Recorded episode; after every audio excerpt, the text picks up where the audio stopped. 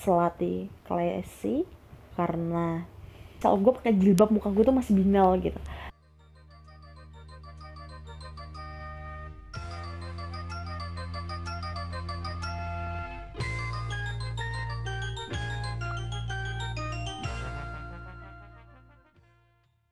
Assalamualaikum warahmatullahi wabarakatuh. Hai, uh, udah lama banget ya aku nggak bikin podcast ya. Jadi uh, ini sekalian pemberitahuan kalau season kedua ini gue bakalan jalan sendiri karena teman-teman gue sibuk, susah diatur ketemuannya karena Bebet udah mulai bisnis yang baru. Lalu Denny juga uh, atau Aming juga punya usahanya baru duduk manis coffee duduk manis dan si siapa nah Raskal gue nggak tahu dia lagi sibuk apa. Kita semua lagi sama-sama sibuk dengan urusan masing-masing apalagi gue sendiri. Gue juga lagi sibuk ngurusin uh, clothingannya teman gue sebagai marketing juga. Jadi gue nggak bisa banyak ketemu mereka. Dan uh, season 2 ini gue bakalan jalan sendirian untuk ke depannya. Karena ketika ntar semisal gue punya narasumber baru gue nggak yakin kalau semisal nanti bakalan uh, apa namanya bakalan berjalan bisa berjalan sama mereka gitu loh. Jadi waktunya kita bakal lebih susah diatur. Jadi ini sekaligus officially kalau uh, awesome for wisdom or whatever you uh, ngebacanya kayak gimana terserah. Officially bakalan ganti namanya jadi nantilah gampang uh, nama kayaknya nyusul tapi kayaknya lebih penting isinya deh ya kan? Ya kan say uh, uh, jadi gimana ya? Podcast ini gue tetap bakalan jalan dengan narasumber-narasumber yang gue pengen share ke kalian dengan satu tujuan tertentu juga. Enggak melulu soal seks enggak melulu soal uh, apa ya relationship enggak melulu soal ngomongin Tinder. Gue bakalan banyak ngomongin hal-hal yang menurut gue keresahan gue gitu. Mungkin juga keresahan lo. Mungkin kita sepemikiran mungkin kita ada di kapal yang sama. Dan uh, hari ini gue sekalian mau ngobrolin soal level-level cewek. Uh, I mean menurut sudut pandang gue ya. Ini gue ke ini karena tau gak sih sebenarnya gue tuh lagi ada di titik di mana nggak bisa dikategorikan galau sih.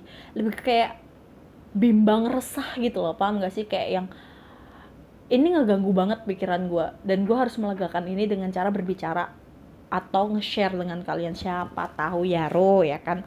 Ya ini ya. Siapa tahu ya Ro oke. Siapa tahu kalian ada di boat yang sama dan kalian akan berdiskusi ini nantinya entah di DM Instagram atau mungkin di email atau mungkin whatever. Kayak gitu. Jadi uh,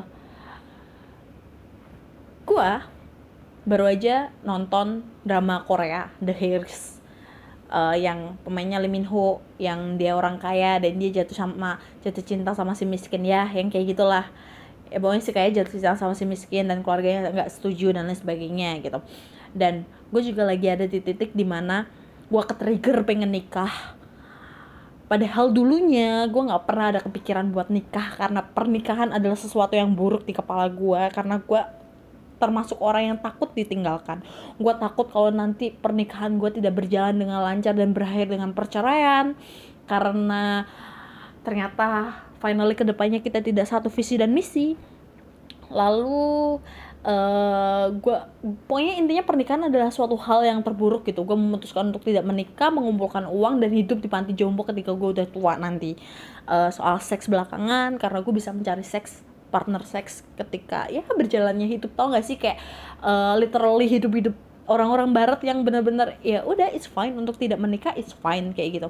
Karena gue lebih happy sendiri gitu. Tapi kemarin malam gue ke trigger untuk oke okay, kayaknya gue juga butuh, butuh nikah deh butuh pendamping hidup butuh teman untuk duduk di depan duduk di depan rumah di balkon rumah gitu. Sambil ngetes sambil lihat anak-anak atau cucu-cucu lagi mainan di halaman rumah kayak gitu as simple as that. Gue ke trigger dengan hal-hal yang kayak gitu. Dan um, ini ngebuat gue bener-bener galau banget karena uh, resah sih nggak galau sih. Kalau galau tuh lebih kayak berat banget ya sih? Kayak resah gitu loh kayak aduh gue kayaknya harus speak up deh kayak gitu. Dan um, sampailah gue ada di titik bahwa wanita wanita-wanita yang gue kenal wanita-wanita termasuk gue mereka punya levelnya sendiri gitu.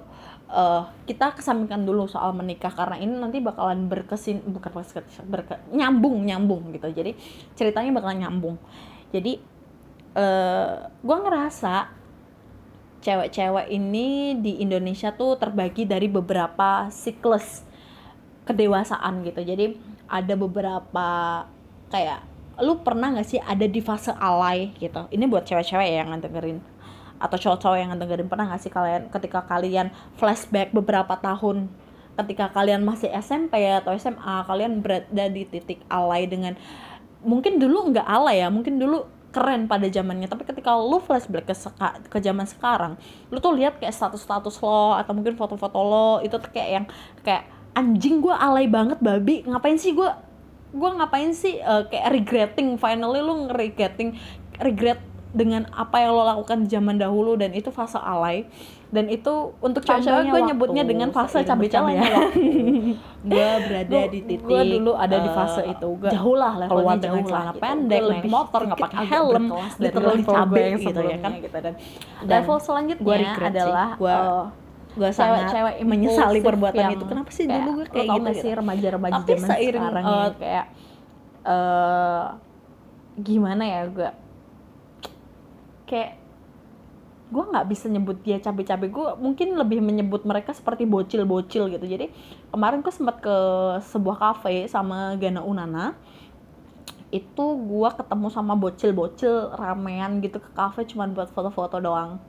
Uh, itu fasenya tapi nanti kalau kuliah mungkin mereka jadi mbak-mbak atau ukti-ukti gitu mbak-mbak gaul ukti-ukti gaul kayak gitu ya kan. Nah nanti seiring berjalannya lagi ketika mereka bekerja mereka akan lebih berkelas lagi.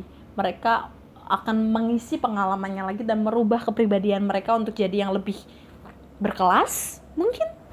Dan literal dan ada juga yang literally dari awal sampai dia bertumbuh dewasa mereka jadi orang yang hits berkelas dan tidak merubah image-nya gitu. Tau gak sih kayak yang dari SMP SD SMP SMA kuliah mereka jadi cewek-cewek yang hits karena literally mereka cantik tanpa make up terus dia hits di kalangan cowok dan temen-temennya.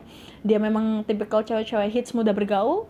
Jadi sampai sekarang pun uh, ya udah kedudukannya memang literally sosialita atau literally dia cewek yang gaul aja gitu. Gue gue selalu mengklasifikasikan orang-orang seperti itu. Khususnya cewek-cewek mengklasifikasikan seperti itu. Dan gue meng mengklasifikasikan diri gue seperti itu. Kayak semisal uh, gue dulu ada di fase cabai-cabean. Dan gue sekarang ada di fase uh, maybe slutty tapi lebih yang berkelas gitu. Jadi gue nggak nggak yang kayak bitch yang ecek-ecek gitu. Gue gua gua bahkan ketika gue having sex gue memilih partner gue gitu. Gue memilih dengan siapa gue bergaul. Gue memilih apa yang gue minum uh, dan tanda kutip gue alkohol ya. Gue memilih apa yang gue minum dan uh, apa ya kapan gue harus berbicara seperti wanita dewasa kapan gue harus berbicara belak belakan kapan gue harus gue bener-bener uh, apa ya memberikan image bahwa oke okay, I'm slutty but I'm crazy. Kayak gitu loh paham gak sih? Nah uh, ketika kalian ada di boat yang sama karena ketika kalian ada di kapal yang sama dengan gue, I mean bukan berarti lo uh, seladi klasi uh, klasi kayak gue ya, tapi lebih ke kayak uh, oh iya gue juga mengklasifikasinya mengklasifikasikannya sama kok kayak kayak lo kayak uh, ada fase-fase tersendiri ketika di di kehidupan tuh punya kla klasifikasi tersendiri kayak gitu. Gue juga uh, jadi ini nyambung sama kayak yang The Hairs yang tadi yang si kaya jatuh cinta sama si miskin dan si miskin jatuh cinta sama si kaya gitu ini ujung-ujungnya berujung dengan yang namanya minder kayak semisal uh, pernah nggak sih lo dideketin sama cowok? Atau pernah nggak sih lo dideketin sama cewek yang literally kelasnya lebih tinggi atau lebih rendah dari lo? Kita ngomongin ke yang lebih tinggi ya. Uh, kayak semisal lu cewek-cewek nih ciwi-ciwi yang dengerin podcast ini nih uh, lo dideketin sama cowok yang notabene anak orang kaya. Bermobil duitnya nggak berseri. Bahkan dia mencintai lo bukan karena lo berduit tapi karena diri lo apa adanya. Dia dia mencintai lo karena lo cerdas mungkin. Uh, tapi tuh lo tuh yang kayak minder duluan gitu loh. Tapi tuh lo cewek-cewek tuh yang kayak masa sih si kaya suka sama gue gitu.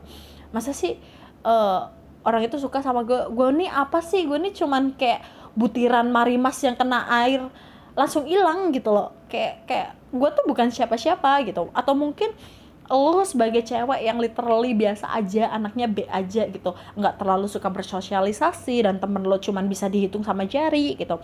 Uh, lo dideketin sama cowok yang notabene anak gaul gitu loh. Paham gak sih? Kayak anu gaul Semarang siapa sih orang-orang di kota lo atau uh, circle-circle gede di kota lo yang nggak kenal sama cowok itu dan dia ngedeketin lo. Lo pasti punya negatif thinking ah ini pasti gue cuman bahan taruhan nih. Ah ini pasti gue cuman bahan biar gue diewek doang nih. Ah ini dia pasti punya mau punya maksud terselubung nih. Padahal si cowok itu literally suka sama lo suka sama kepribadian lo kayak gitu loh. Uh, kayak finally ujung-ujungnya tuh lo kayak mengunderestimate diri lo sendiri dan lo minder gitu. Lo pernah nggak sih kayak gitu? Uh, dan ini sebenarnya lebih kayak apa ya um, nanti tuh kayak hal ini yang akan menyulitkan kalian untuk percaya bahwa orang tersebut uh, beneran suka sama lo. Akan banyak spekulasi-spekulasi negatif yang keluar dari kepala lo gitu. Karena kalian merasa kalian tidak setara kalian tidak selevel gitu. Kayak semisal gue Be uh, beberapa hari yang lalu uh, beberapa hari yang enggak sih beberapa jam ke kemarin gue tuh ke trigger gue pengen nikah gitu. Dan beberapa minggu yang lalu bahkan ada yang ngechat gue temen gue di masa lalu ngechat gue gue pikir kayak yang ya udah sih kayak dia tuh memang sering datang dan pergi gitu. Tiba-tiba dia datang dan ngajakin gue buat nikah gitu. Karena konteksnya gue sama dia sering bercanda ya gue tuh kayak yang anggap dia tuh ya udah kayak bercandaan aja. Ternyata dia enggak dan gue ngasih dia deadline untuk ya udah kalau lo emang mau serius bulan segini ya maksimal lo datang ke orang tua gue dan minta gue buat nikah sama lo. Gue bilang kayak gitu. Dan dia menyanggupinya. Tapi kayak yang sekarang tuh dia ngilang-ngilang gitu loh. Gue jadi kayak yang nggak percaya lagi gitu. Tapi di situ gue ngerasa kalau level kita setara. Jadi gue yang kayak oke okay, it's fine. It's fine kalau dia datang it's fine kalau dia ngilang gitu. Jadi kayak nothing tulus aja gitu. Tapi permasalahannya adalah ketika sekarang gue post uh, story di Instagram dan uh, kayak gue pengen nikah lah intinya lah kayak gitu. Dan uh, ada satu orang yang gue tahu dia famous banget di Jakarta. Even nggak semua kenal sih tapi untuk kalangan orang-orang yang suka tato atau mungkin orang orang-orang yang suka seni tato mereka bakalan kenal orang ini karena gue tahu dia tipikal orang yang hits. Dia ganteng gue aduh gue kalau kalau inget dia tuh gue kayak auto sange aja gitu loh karena dia literally tipe gue gitu. Dengan banyak tato brewokan berkacamata tinggi badannya bagus. Tapi dia komen gitu. Dia komentar kayak komentar um, dia komentar tentang story gue pengen nikah gitu. Dia kaget karena dia taunya gue nggak pengen nikah gitu. Dia kaget ini beneran? gitu. Dan gue jawab iya. Tapi gue nggak tahu nih calonnya siapa. Gue mm, jadi tolong jangan kasihani gue gitu karena gue paling gak suka dikasihani kan. Terus dia bilang e, kita punya fetish yang sama gitu. Kalau semisal kita nikah fetish ini masih bisa berjalan gak sih? Dan gue bilang literally yes gue bilang gitu. Tapi ada ketakutan di diri gue bukan karena fetish tersebut tapi lebih ke kayak it is really sure it is ini bener-bener ini beneran gak sih? Atau bercanda gak sih? Karena uh, dia orang yang levelnya jauh di atas gue dan dia mengajak gue untuk ke jenjang yang serius gitu. Ini bercanda nggak sih kayak gitu? Jadi gue kayak yang minder nggak sih? Kayak uh, orang yang lu yang lu dewa-dewakan gitu tiba-tiba dia ngulurin tangan ke lo terus bilang eh nikah yuk gitu. Kayak kayak artis ngajakin lo nikah gitu loh. Kayak orang yang orang yang lo lo lo nggak bakal lo udah udah ada di benak lo orang itu tuh nggak bakalan bisa gue gapai dengan cinta gitu. Tapi cuman bisa gue gapai karena gue ngefans sama dia gitu. Tapi literally dia ngulurin, ngulurin tangan dan bilang eh nikah yuk. Kayak gitu. Itu bener-bener ngebuat gue resah. Bener-bener nge nge nge nge ngebuat gue jadi kayak yang oh my god gue tuh kayak nggak kayak gue tuh kayak nggak nggak setara sama dia. Gue tuh kayak nggak nggak level sama dia. Bukan nggak level karena dia di bawah gue tapi karena gue di karena gue jauh di bawah dia gitu. Itu yang ngebuat kayak resah ini beneran gak sih? Dan ini buat gue kepikiran gitu. Karena even itu bercanda dia orang yang gue suka gitu. Dia orang yang kita suka tapi dia membicarakan hal serius tersebut sama kita. Menurut lo pribadi menurut kalian pribadi level kayak gini tuh penting gak sih? Karena terkadang gue juga ngelihat beberapa orang tua yang gue gak ngerti baby bloomers mungkin ya baby bloomers tuh ngelihat kayak lu kan S1 masa lu nikah sama uh, anak SMA gitu. Maksudnya uh, yang cuma lulusan SMA atau mungkin uh, mungkin yang yang anak-anaknya lulus SMA dapat dapat calon mantu yang S1 S2 uh, mungkin seneng ya. Tapi bagaimana dengan mereka yang dapat mungkin ada beberapa orang tua yang nggak peduli tapi ada juga yang peduli tentang uh, sesi pendidikan kayak gitu. Dan um, apa ya? Gue jadi bingung nih ngomongnya. Dan ada juga yang um, mungkin mungkin ya mungkin lebih ke kayak orang tua si cewek yang ribet gitu. Kayak semisal beberapa ya gue bilang beberapa jangan enggak semua. Kayak semisal nih anaknya lulusan kedokteran. Uh, dan dia nikah sama pegawai biasa yang cuma lulusan SMA pasti orang tuanya bakalan protes gitu. Eh, lu dokter lu nggak bisa ya dapetin yang ya minimal pengacara lah S2 lah. Atau mungkin atau mungkin orang-orang yang berpengaruh gitu. Karena derajat lo tuh udah tinggi. Masa lo mau mau ber, berpasangan dengan orang yang derajatnya jauh lebih rendah daripada lo Nah, ini balik lagi ke kayak klasifikasi cewek-cewek yang kayak klesi apa segala macam kayak gitu. Pendidikan juga juga punya klasifikasinya sendiri kayak gitu. Kayak gue pribadi, gue jujur, gue mengklasifikasinya mengklasifikasikan ketika gue deket sama cowok.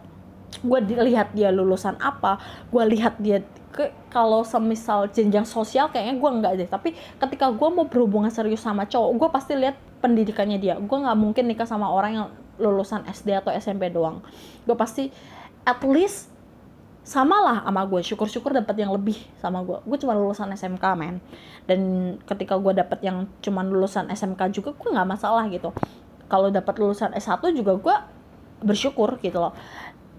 Tapi gue nggak bakalan nurunin derajat gue buat dapet cowok yang lulusan SD atau mungkin SMP kayak gitu kecuali dia sudah settle dengan hidupnya. Dia punya usaha sendiri yang memang gua akui ini bisa jadi uh, kelanjutan kehidupan gua nantinya. Paham gak sih? Kayak uh, ketika lo berhubungan serius dengan seseorang lo juga akan mempertimbangkan masalah finansialnya mereka. Nggak cuma masalah oke okay, gue gue fall in love sama lo gue jatuh cinta sama lo kita akan hidup bahagia selama lama lamanya terus lo makan angin ke depannya lo cuma makan cinta lo juga akan mempertimbangkan hal-hal yang uh, segi finansial juga. Gue nggak munafik men. Kayak gue tahu finansial bisa dicari bareng-bareng. Tapi ketika lo lihat orang yang akan lo nikahi finansialnya tidak tidak apa ya nggak settle gitu lo bakalan ragu gitu. Paham gak sih? Kayak lo akan hidup dengan orang yang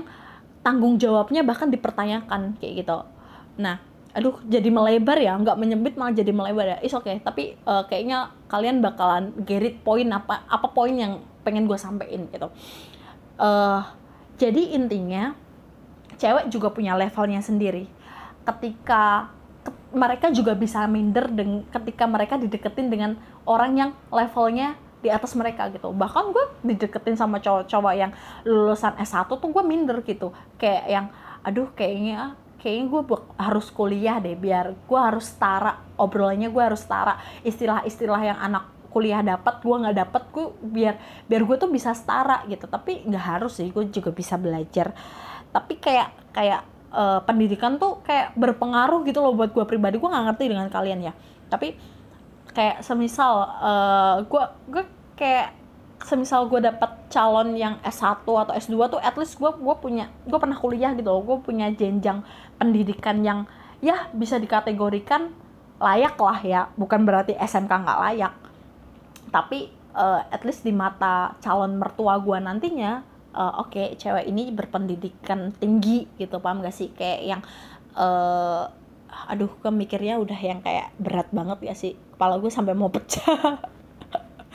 Jadi eh, hal-hal kayak gini yang menurut gue kayak lumayan penting untuk di share aja. Karena buat cewek-cewek mereka punya levelnya sendiri gitu. Mereka punya rasa minder ketika mereka dideketin sama yang levelnya di atas mereka gitu. Tapi mereka juga nggak mau menurunkan level mereka untuk berhubungan serius dengan orang yang levelnya jauh di bawah mereka gitu. Dia pasti bakalan mikir mikir berulang-ulang kali untuk ya atau enggak kayak gitu. Karena pasti banyak banget hal yang dipertimbangkan. Menjalin relationship itu nggak gampang nggak semudah. Mungkin buat anak-anak remaja zaman sekarang kayak eh, gue suka sama lo. Ya gue juga suka sama lo. Ayo jadian ayo skui nyewek seminggu kemudian hilang baik sakit hati. Fase itu terulang terus menerus. Tapi buat gue pribadi yang udah ngalamin fase kayak gitu gue bakal lebih selektif buat memilih pasangan gitu. Apalagi gue sekarang udah punya king gue udah punya uh, satu tujuan satu hal yang gue suka dan itu jadi pertimbangan pertimbangan juga buat gue untuk memilih sebuah seorang partner hidup atau mungkin uh, calon suami dan lain sebagainya kayak gitu. Pernikahan atau relationship mm, ternyata enggak semudah itu gitu gue akhirnya punya alasan kenapa orang-orang lebih memilih untuk bertahan karena males memulai lagi. Tapi gue juga menghormati orang-orang yang kayak gue yang ya udah nating tulus kalau memang udah nggak cocok dan nggak sepaham lepas aja daripada nanti sakit. Cinta juga butuh logika kayak gitu. Cinta boleh goblok jangan kayak gitu. Uh, makin hari makin dewasa kita kriteria itu bakalan nambah. Atau mungkin jadi si lebih simpel daripada sebelumnya mungkin dulu-dulu kriteria kita adalah harus berpendidikan yang lebih tinggi daripada kita, harus kaya, harus ganteng, harus punya mobil, harus ini, harus itu, bla bla bla bla. Tapi ketika kita dewasa, finally kita cuma butuh orang yang bertanggung jawab, punya pekerjaan, dan seiman mungkin, atau mungkin kita juga butuh orang-orang yang satu frekuensi sama kita kayak gitu.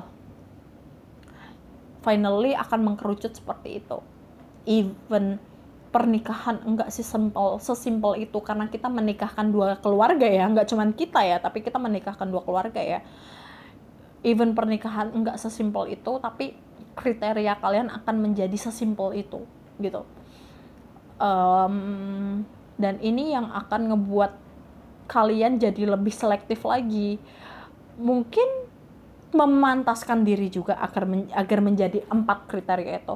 Jadi tanggung jawab ini nggak cuman untuk cowok tapi cewek juga harus punya rasa tanggung jawab terhadap apa pun. Dan ya kayaknya gini aja deh yang pengen gue bahas. Nggak ada solusi untuk hal ini tapi uh, pada akhirnya yaitu pernikahan tuh rumit nggak kayak semudah eh ayo nikah ya udah yuk squee saya terima nikahnya bla bla bla dengan mas kawin bla bla bla. Lalu mereka tidak punya ke depannya ada segi finansial yang harus di difikirkan. Ada segi tanggung pertimbangan tanggung jawab apakah orang ini termasuk orang yang tanggung jawab atau enggak. Uh, emosi juga harus dipertimbangkan. Kayak semisal cowok ini tuh kayak mercon mercon tuh apa ya? Petasan banting nggak ya? Kayak yang ketrigger dikit dia langsung marah. Langsung langsung yang kayak temperamental lah kayak gitu. Atau mungkin uh, apakah dia juga termasuk orang yang bisa diajak berkomunikasi dengan baik ketika mereka ada masalah kayak gitu. Banyak banget pertimbangan karena menikah tidak sesimpel itu. Menjalin relationship juga nggak sesimpel itu. Semakin dewasa kita kita semakin kompleks tapi semakin simple. Paham gak sih? Kayak masalah kita semakin kompleks tapi akhirnya solusinya tuh semakin simple kayak gitu. Apa yang kita pengen semakin simple. Even cara untuk mencapai kesimpulan itu adalah hal-hal yang sangat kompleks kayak gitu. Gue harap kalau ketika kalian mendengarkan ini kalian paham maksud gue ketika mendengarkan ini kalian jadi yang kayak oh iya ya kayaknya gue mesti mengupgrade uh, apa ya mengupgrade level gue deh. Gue nggak bisa stuck di sini. Terus gue harus banyak baca gue harus banyak pengalaman biar ketika gue bertemu dengan seseorang dan uh, apa namanya levelnya dia di atas gua gua bisa meng mengimbangi gitu loh. Paham gak sih? Kayak uh, lo jadi nggak minder lagi karena lo bisa mengimbangi levelnya dia gitu. Dan gue harap juga ketika lo mendengarkan podcast ini nggak ada lagi orang-orang yang kayak iya gue gue nggak bisa gue nggak bisa maksa buat eh lu jangan minder dong kayak gitu. Itu tuh kayak dari dalam sendiri sendiri tau gak sih? Kayak lo tuh nggak bisa ngekontrol itu. Kayak tapi yang bisa lo lakukan adalah memantaskan diri untuk selevel dengan dia gitu. Hmm, mungkin ini sedikit tambahan sih sebelum close. Um, gini. Jadi cewek itu sebenarnya ketika mereka kenalan sama seseorang mereka udah tahu ini cowok akan diposkan pada pos yang mana porsi yang mana. Dan mereka akan berlaku sesuai porsinya. Semisal kamu memperkenalkan dirimu sebagai orang yang enak diajak bicara. Teman yang baik teman yang mau mendengarkan orang yang terbuka. Mereka akan memposisikan dirimu sebagai orang untuk berbagi cerita kayak gitu. Ketika kamu mengintroduce dirimu uh, mengintrokan dirimu sebagai orang yang brengsek yang tanda kutip cabul di chat untuk pertama kali cabul di chat lalu tidak ada manners ya jangan salahin kita para perempuan kalau kita memukul rata kalau semua cowok macam kalian tuh brengsek kayak gitu. Jadi kalian udah punya lingkaran merah sendiri pos lingkaran merah kayak gitu. Jadi mungkin kita akan menanggapi kalian ketika kalian memang bicara serius. Tapi ketika uh, maksudnya gini bicara hal-hal yang memang ingin kita bicarakan pantas kita bicarakan dengan kalian. Tapi ketika menjurus ke arah kalian ingin serius berbicara dalam suatu relationship kami nggak bakalan percaya karena kalian sudah ada di kategori brengsek kayak gitu. Dan mungkin juga uh, kita juga kita udah pinter kok mengkategorikan seseorang untuk sebagai yang kayak oh gue kayak nggak bisa nih deket sama ini orang karena orang ini bakalan nganggap gue sebagai temen doang kayak gitu. Uh, oh gue kayaknya bisa nih ngedeketin dia karena uh, kita satu kasta dan uh, dia juga ngasih sinyal ke gue literally sinyal yang suka gitu ya. Jadi uh, dalam pembahasan kali ini gue ngerasa kalau gimana ya rata-rata dari kami perempuan yang uh, eh, gue rasa cukup dewasa ya pasti tahu bagaimana cara mempos-poskan kalian porsi kalian di dalam kehidupan kami kayak gitu. Jadi jadi jangan salahin gue kalau semisal ketika kalian para bad boy yang literally gue udah tau kalian bener-bener fuck boy. Terus tiba-tiba bicara manis ke gue bicara seolah-olah kalian serius kalian mau beliin gue ini itu kalian pengen tahu gue lebih lanjut dan lain sebagainya. Jangan salahin gue kalau gue nggak percaya kayak gitu. Karena pertama kali lo memperkenalkan diri lo ke gue adalah gue adalah fuckboy kayak gitu. Gue tidak bisa dipercaya dan hal-hal yang gue lontarkan ke lo hanyalah angin belaka. Jadi jangan jangan kesel kalau semisal gue nganggap itu sebagai angin lalu. Itu yang pertama. Itu yang pertama. Yang kedua kita para gadis-gadis yang sudah beranjak dewasa pasti sudah paham kalau eh, hal-hal semacam ini yang sebenarnya ngebuat kita makin overthinking gitu. Bukan makin overthinking sih lebih kayak ketika lo nge-trigger kita dengan pembicaraan yang semisal lo fuckboy nih terus lo nge-trigger kita dengan pembicaraan yang serius. It doesn't mean kita serta merta langsung masukin lo ke pos yang nggak bisa dipercaya. Kadang sebagian dari kita juga mempertimbangkan apakah orang ini uh, beneran serius atau cuman uh, ya udah angin lalu doang gitu. Jadi enggak semua cewek-cewek yang gue omongin di poin pertama itu bakal langsung ngebuang lo ke ini kok ke apa namanya ke pos brengsek kok. Pasti ada beberapa dari kami yang memikirkan. Jadi kayak mempertimbangkan lagi gitu loh. Cowok bener gak sih? Uh, ini ini orang bakalan mau serius sama gue gak sih? Ini orang tujuannya emang bener-bener baik atau cuman atau mau atau emang jahat nggak sih? Jadi uh, kita memang benar-benar juga juga ada pertimbangan tersendiri kayak gitu ini yang ngebikin gue pribadi. Jadi gini gue gue pernah ada di fase di uh, poin pertama gitu di mana gue nih anaknya paham akan resiko itu yang pertama. Kedua gue cepat mengambil keputusan karena gue bukan tipikal yang apa ya gue bukan tipikal orang yang terlalu suka menunda-nunda sebuah hal gitu kayak uh, gue nggak suka digantungin atas apa pun. Semisal gue janjian sama orang nih. Nah uh, gue tungguin ya. Tapi sampai beberapa jam kemudian ke depan dia tetap nggak ada konfirmasi. Jadi gue digantungin gue nggak tahu mesti nunggu atau ya udah gue tinggal tidur aja kayak gitu. Jadi semisal kalau dia ada kayak ada konfirmasi sorry ya gue kayaknya nggak bisa deh ke tempat lo. Karena atau sorry ya gue nggak bisa deh ketemu sama lo karena gue ada pekerjaan lain gue sibuk dan lain sebagainya. Itu bakal lebih memudahkan gue tapi ketika uh, ngambang kayak gitu gue nggak suka gitu. Apa sih? Gue gue termasuk orang yang butuh kepastian. Makanya gue selalu cepat memutuskan sesuatu karena gue nggak mau orang-orang merasa tergantung atas keputusan gue kayak gitu. Mungkin sampai sini paham ya. Dan entah kenapa akhir-akhir ini gue berada di tipe yang kedua yaitu deep thinker.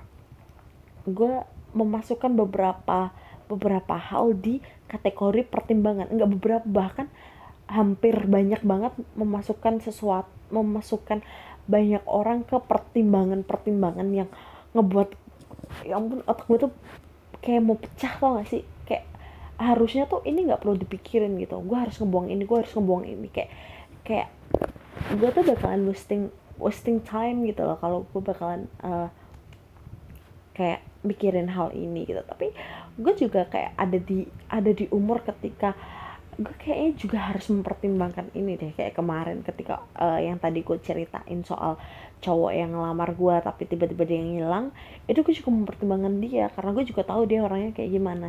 Dan ketika dia udah ngilang kayak gini kayak yang kayak gue mikir lagi gue jadi mikir lagi kayak ini enak beneran serius gak sih? Tapi akhirnya gue juga gue with flow aja kayak ya udah ketika lo mau datang uh, bulan yang udah gue tentuin lo mau datang gue terima nggak ya udah gue goodbye gitu. Dan gue juga juga akhirnya juga berpikir lagi tentang um, si cowok yang gue gue taksir di yang orang Jakarta yang gue taksir itu loh. Yang tadi gue cerita. Uh, gue juga bakal mikir lagi kayak yang eh cowok beneran gak sih? kayak gitu. Atau cuman bercanda. Dan ketika dia bilang we will talk about this letter. Oke okay? kayak gitu. Dan uh, gue menanyakan kapan dia nggak ada balasan gue jadi yang kayak kepikiran lagi. Is this just jokes? Kayak gitu. It is like kayak gue tuh melihat diri gue yang sekarang tuh kayak seseorang yang lebih mudah dipermainkan tau gak sih? Gue yang lebih impulsif gue yang lebih mudah dipermainkan.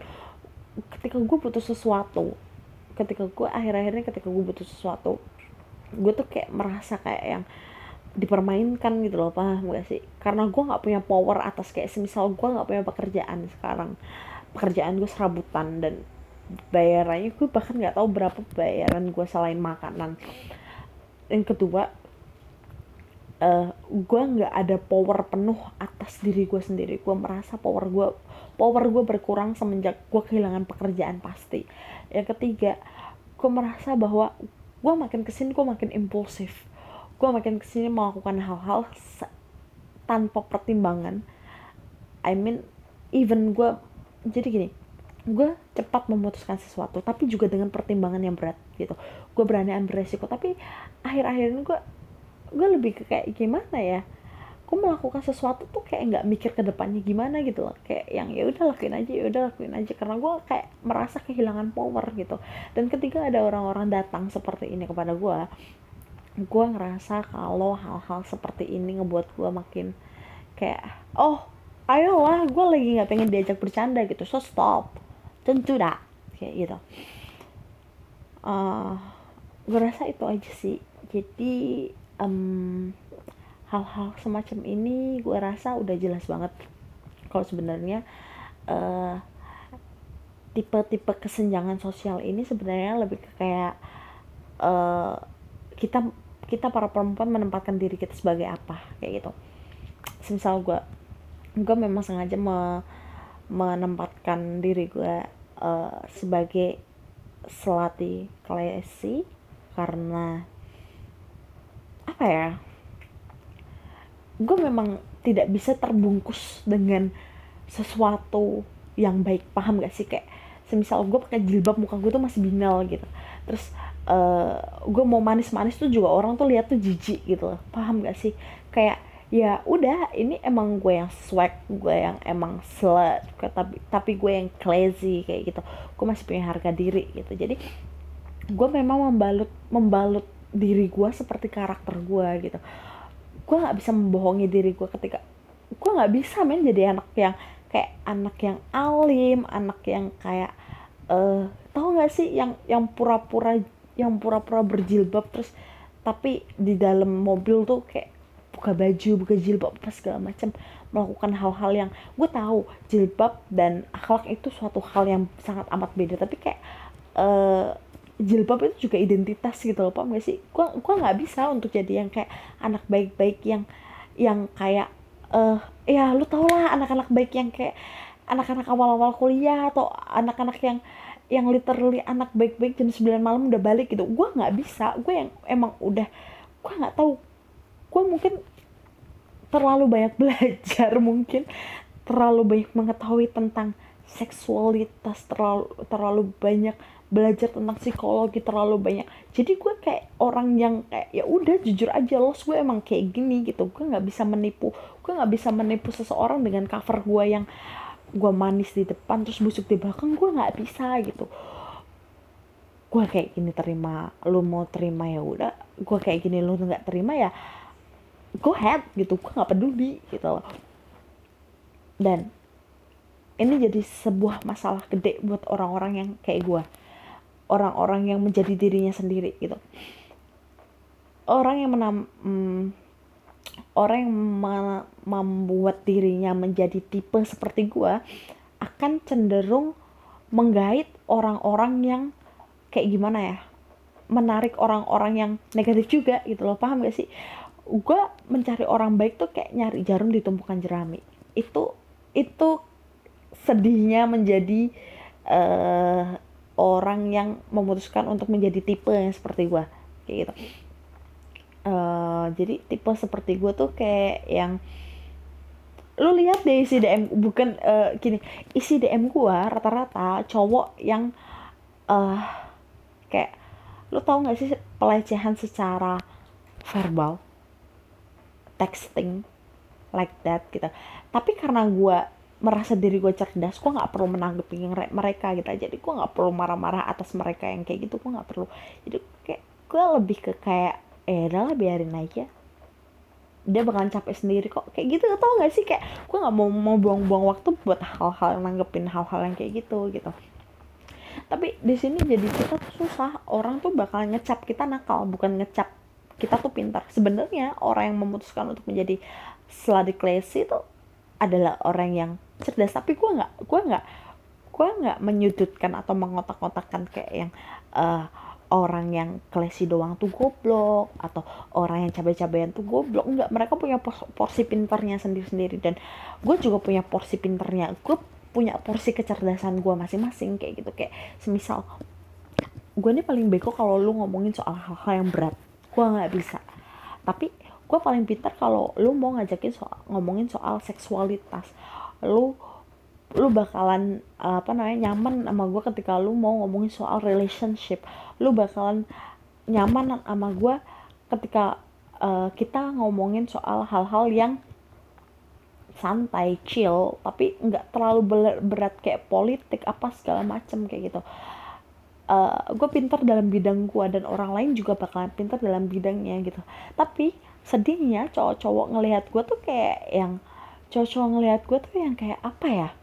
Kayak iya gue hanyalah sebuah objek seks that's it gitu loh. Otak gue nggak penting kayak gitu. Sedihnya gue sih kayak gitu. Uh, mungkin uh, ada juga yang di tipe-tipe yang kayak ukti baik-baik gitu. Mungkin tipenya adalah kesusahan mencari cowok-cowok yang baik juga karena rata-rata cowok di sini tuh eh lo tau lah cowok tuh baiknya tuh di awal mereka deketin doang tau gak sih? Beberapa cowok baiknya tuh cuma di awal mereka deketin doang. Sisanya tuh kayak yang kayak uh, mereka punya tujuan tertentu gitu loh paham gak sih? Ya even gue nggak bilang semua cowok beberapa cowok sih. Ya gue nggak bilang sorry kalau gue tadi bilang gue bilang semua cowok tapi gue bilang beberapa cowok. Dan sedihnya untuk orang-orang yang baik kayak ukti ukti berjilbab yang literally baik ya bukan ukti ukti yang sosokan ukti ukti doang uh, yang memang bener-bener polos memang bener-bener gak ngerti apa-apa mereka terjebak oleh orang-orang yang toxic gitu. Gue kasihan gitu. Dan uh, gue nggak tahu untuk orang-orang yang kayak hits dari SD SMP SMA karena gue nggak pernah berteman dengan mereka karena menurut gue untuk berteman sama mereka tuh kayak ngebuang duit gue banget tau gak sih? Kayak yang aduh gue gue nggak pernah mau kayak punya temen yang hits sejak SD SMP SMA karena itu bakal ngebuat gue ikut numpang hits dan gue nggak suka untuk jadi orang yang hits terkenal dan lain sebagainya. I really don't like it. Gue pengen jadi diri gue apa adanya soalnya. Gue nggak tahu apa keluh kesah mereka tapi mungkin kalau semisal gue gue tanya tapi mungkin semisal kalau next time gue ketemu sama salah satu dari mereka dan gue tanya apa kesulitannya ketika mereka jadi tipe yang kayak gitu gue bakalan share ke, ke kalian ya.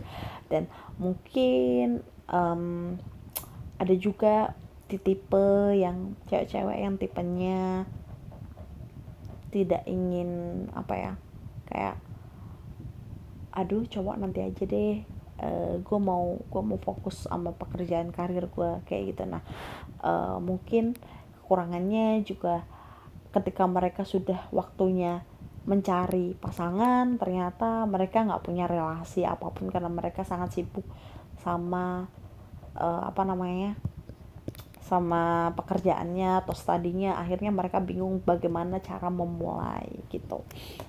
Ya uh, kami para perempuan ketika kami sudah menempatkan diri kami ke kelas A, B, C, D, E kita tahu konsekuensinya apa kita tahu masalah apa yang kita hadapi kayak gitu. Dan uh, kita juga nggak tutup mata untuk uh, memantaskan diri gitu. Bukan berarti gue yang seladi kayak gini gue tidak berusaha untuk memperbaiki diri. I try I'm trying to gue selalu berusaha mengupgrade diri gue selalu berusaha mencari apa yang gue mau gue selalu berusaha mencintai diri gue sendiri gue berusaha menjadi yang lebih baik daripada yang sebelumnya kayak gitu. But it doesn't mean kita tutup mata gitu kita juga mempertimbangkan kalian gitu. Uh, kita juga memantaskan diri ketika kalian berada ketika kalian suka sama kami dan kalian ada di level di atas kami kita pasti bakalan berusaha untuk memantaskan diri kok. Kita nggak diem aja. Pasti kayak kita belajar apa sih yang ngebuat kita pantas. Tapi kita juga nggak serta merta untuk kayak misal uh, kalian para cowok ada di bawah kita levelnya.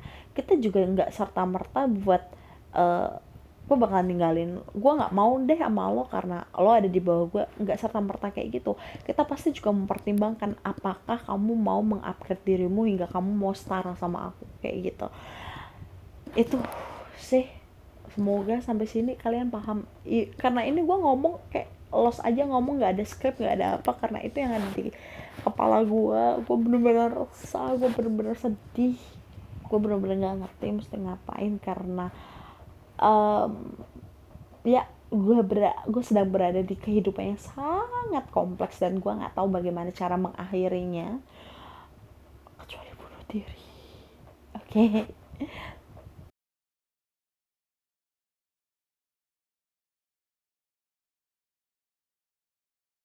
Um, Oke, okay, gue rasa kayaknya gitu gitu aja. Uh, gue yakin kalian bakalan bisa ngambil hikmah atau manfaat dari apa yang gue share di sini, entah apa pun itu. Dan uh, gue berharap sih ketika kalian bener-bener ngedengerin ini dari awal sampai akhir dan nggak di skip, uh, kalian paham lah maksud gue kayak gitu ya kan. Uh, thank you for listening. So gue pamit. Assalamualaikum warahmatullahi wabarakatuh.